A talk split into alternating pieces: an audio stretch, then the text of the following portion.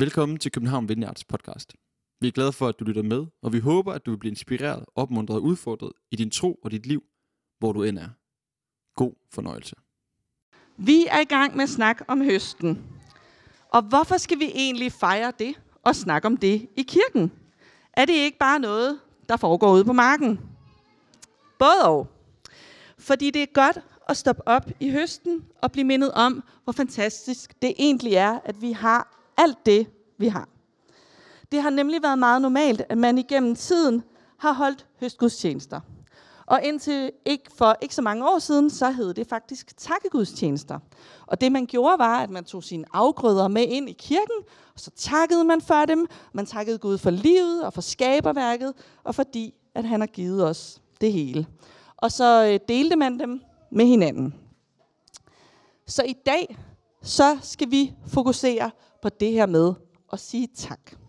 Og derfor er det jo virkelig godt, at vi har børn med heroppe, fordi hvis der er nogen, der bare hele tiden skal sige tak for alt muligt, så er det jo børn. Er der nogen af jer børn, der har lyst til at fortælle mig, hvad I nogle gange bliver bedt om at sige tak for? Kakao? En, ga- en gave? Maden, ja. Katrine? Maden. Ja, er der andre ting? Det kan også være, at øh, man for eksempel skal sige tak for i dag, eller tak for besøget. Forældre er i hvert fald meget optaget af, at børn skal sige tak. Men hvad nu, hvis man slet ikke har lyst til at sige tak? Hvad hvis nu man synes, at maden var super nederen og fuld af squash og varm peberfrugt? Eller hvis man slet ikke blev særlig glad for den der strikkede trøje, som farmor havde givet en? Eller hvis man synes, at det, man havde lavet i dag, var super kedeligt, og man så bliver bedt om at sige tak for i dag.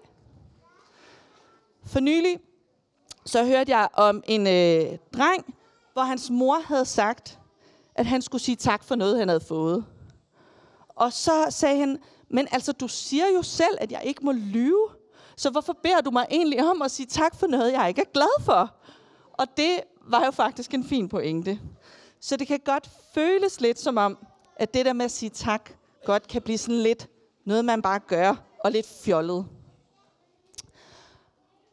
Og det kan jo også godt være, at man faktisk synes, at der er sket noget rigtig træls. At der er noget i livet, som er svært. Måske der er sket noget, man er ked af. Måske er man syg. Måske er der nogen, der har gjort noget dumt mod en. Eller måske er livet bare ikke gået, sådan som man havde håbet og drømt om. Og så kan det godt føles som om, at der ikke er noget at sige tak for. Men i Bibelen, den gode gamle, der står der i Paulus første brev til Thessalonikerne 5:18, sig tak under alle forhold, for det er Guds vilje med jer. Og det kan jo godt være lidt svært at forstå, hvis man har det sådan, at man ikke lige føler, der er noget at sige tak for. Eller hvis der ligefrem er noget, man har lyst til at sige ellers tak til. Så når der står, at vi skal sige tak under alle forhold, betyder det så, at vi bare skal sige tak sådan lige meget, hvad der sker? Og være sådan nogle øh, lalleglade typer, der bare sådan aldrig synes noget er dårligt? Det tror jeg ikke. Fordi det handler om at være taknemmelig. Det handler om at have en taknemmelig indstilling til livet.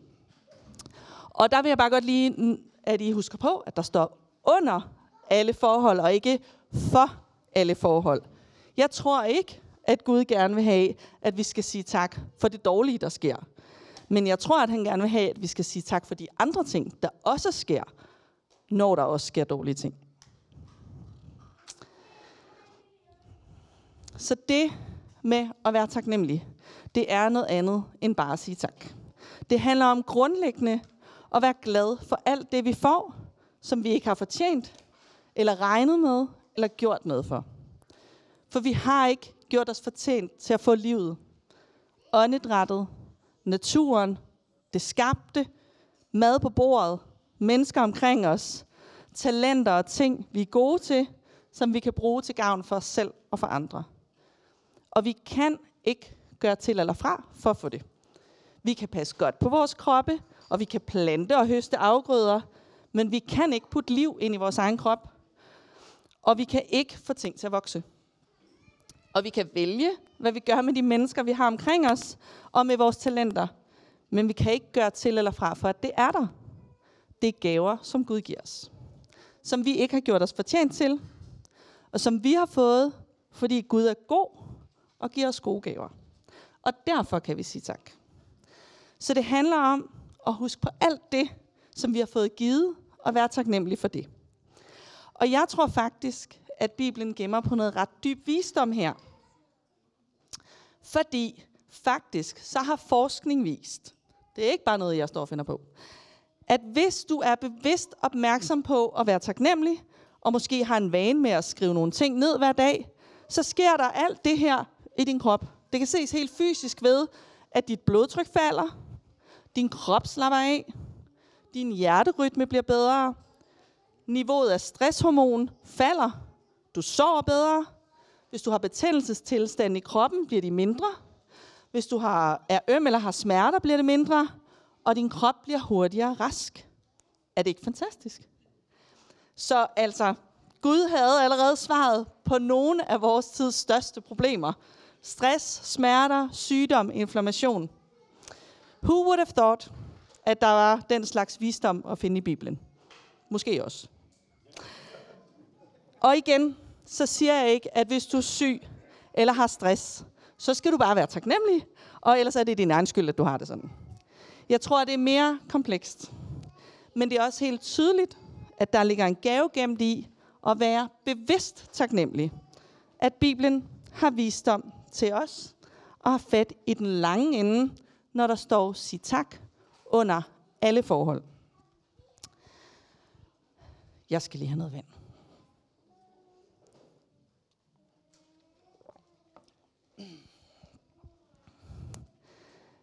Og vi kan være taknemmelige under alle forhold, også selvom der sker svære ting.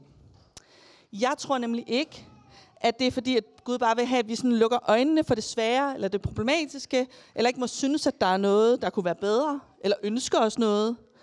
Jeg tror, det handler om vores indstilling, og hvad vi vælger at fokusere på. Og om, at hvis vi stoler på Gud, fordi vi har set og hørt og ved, at han er trofast og god og elsker os, så kan det godt være, at vi ikke kan se det lige nu, hvad der er at være taknemmelig for. Men vi kan måske se det senere. Og i øh, MIDI, som er vores gruppe for de 4-9-årige her i kirken, der har vi de sidste måneder hørt historien om Josef. Og den er faktisk et mega godt eksempel på det med at have en taknemmelig indstilling. Vi har haft nogle forskellige pointer undervejs. For eksempel, Gud har gode gaver til alle. Gud er altid hos dig. Du kan stole på Gud. Gud har styr på alt. Og Gud kan vende ondt til godt. Der er måske nogle af jer, der har set nogle af de her kort, ligger flyde rundt omkring, eller fået dem med hjem. Og det er, fordi vi gerne vil huske, hvad det egentlig er, vi lærer i Bibelen. Og det var netop det her, som Josef han oplevede. At Gud var altid hos ham. Han havde styr på det hele, og han kunne stole på Gud. Og det gjorde han. Og det var altså ikke fordi, at Josefs liv bare var en drøm. Han blev smidt ned i en brønd og solgt som slave af sine egne brødre. Han blev løjet om og endte i fængsel. Men han blev ved med at stole på Gud. På at Gud havde givet ham nogle gode gaver, og at han, og han brugte dem undervejs. Og jeg tror også, det står der ikke sådan en masse om, men jeg tror, at han undervejs havde en taknemmelig indstilling og takkede Gud, fordi han var med ham, og for alt det, han havde givet ham. Og det endte faktisk med, at Josef han fik lov til at sørge for, at masser af mennesker i det land, han var i, og fra hans eget land, fik mad, selvom der var hungersnød. Fordi Gud havde fortalt ham det på forhånd, og fortalt ham, hvad de skulle gøre ved det. Og helt til sidst, da hans brødre kom til landet, og fandt ud af, at han ikke var død, og hvad der var sket med ham, så græd de og sagde, ej, undskyld Josef, kan du nogensinde tilgive os? Og så sagde Josef, det er okay, jeg tilgiver jer. Og Gud har jo brugt det her til noget godt. Se bare! For de var kommet til landet for at få mad og få korn. Og på den måde, så viser Josefs historie også, at når vi vælger at have en taknemmelig indstilling og stole på Gud, så kan det ende med noget godt alligevel. Selvom vejen derhen måske ikke lige så sådan ud, som vi havde forestillet os. Og det, som vi også lavede nede i MIDI undervejs, det var sådan nogle æsker, hvor vi puttede forskellige ting ned i. En af de ting, som vi puttede der ned i, det var sådan en takkeliste. Fordi en af gangene, der prøvede vi at minde os selv om, hvad kan man egentlig sige tak til Gud for? Og det kan være, at nogle af jer har børn, der har fået sådan en æske med hjem og har sådan en liste her dernede. Og så kan de skrive nogle ting ned på, som de gerne vil takke Gud for. For det er nemlig godt at sige tak til Gud. Så i dag, når øh, vi går hjem, så har vi lavet nogle lister til jer, som Amelie og Chloe deler ud med høsttema på, som du kan tage med hjem. Og øh, det kan jo være, at du har lyst til at gøre det til en vane, sådan så du kan få alle de her dejlige fysiske sideeffekter af at have en taknemmelig indstilling.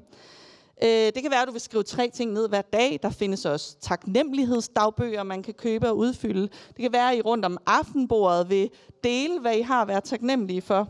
Eller hænge en seddel op på køleskabet og husk at sige tak. I kan bruge dem til, hvad I vil, men øh, I får dem i hvert fald med. Tak, fordi du lyttede med.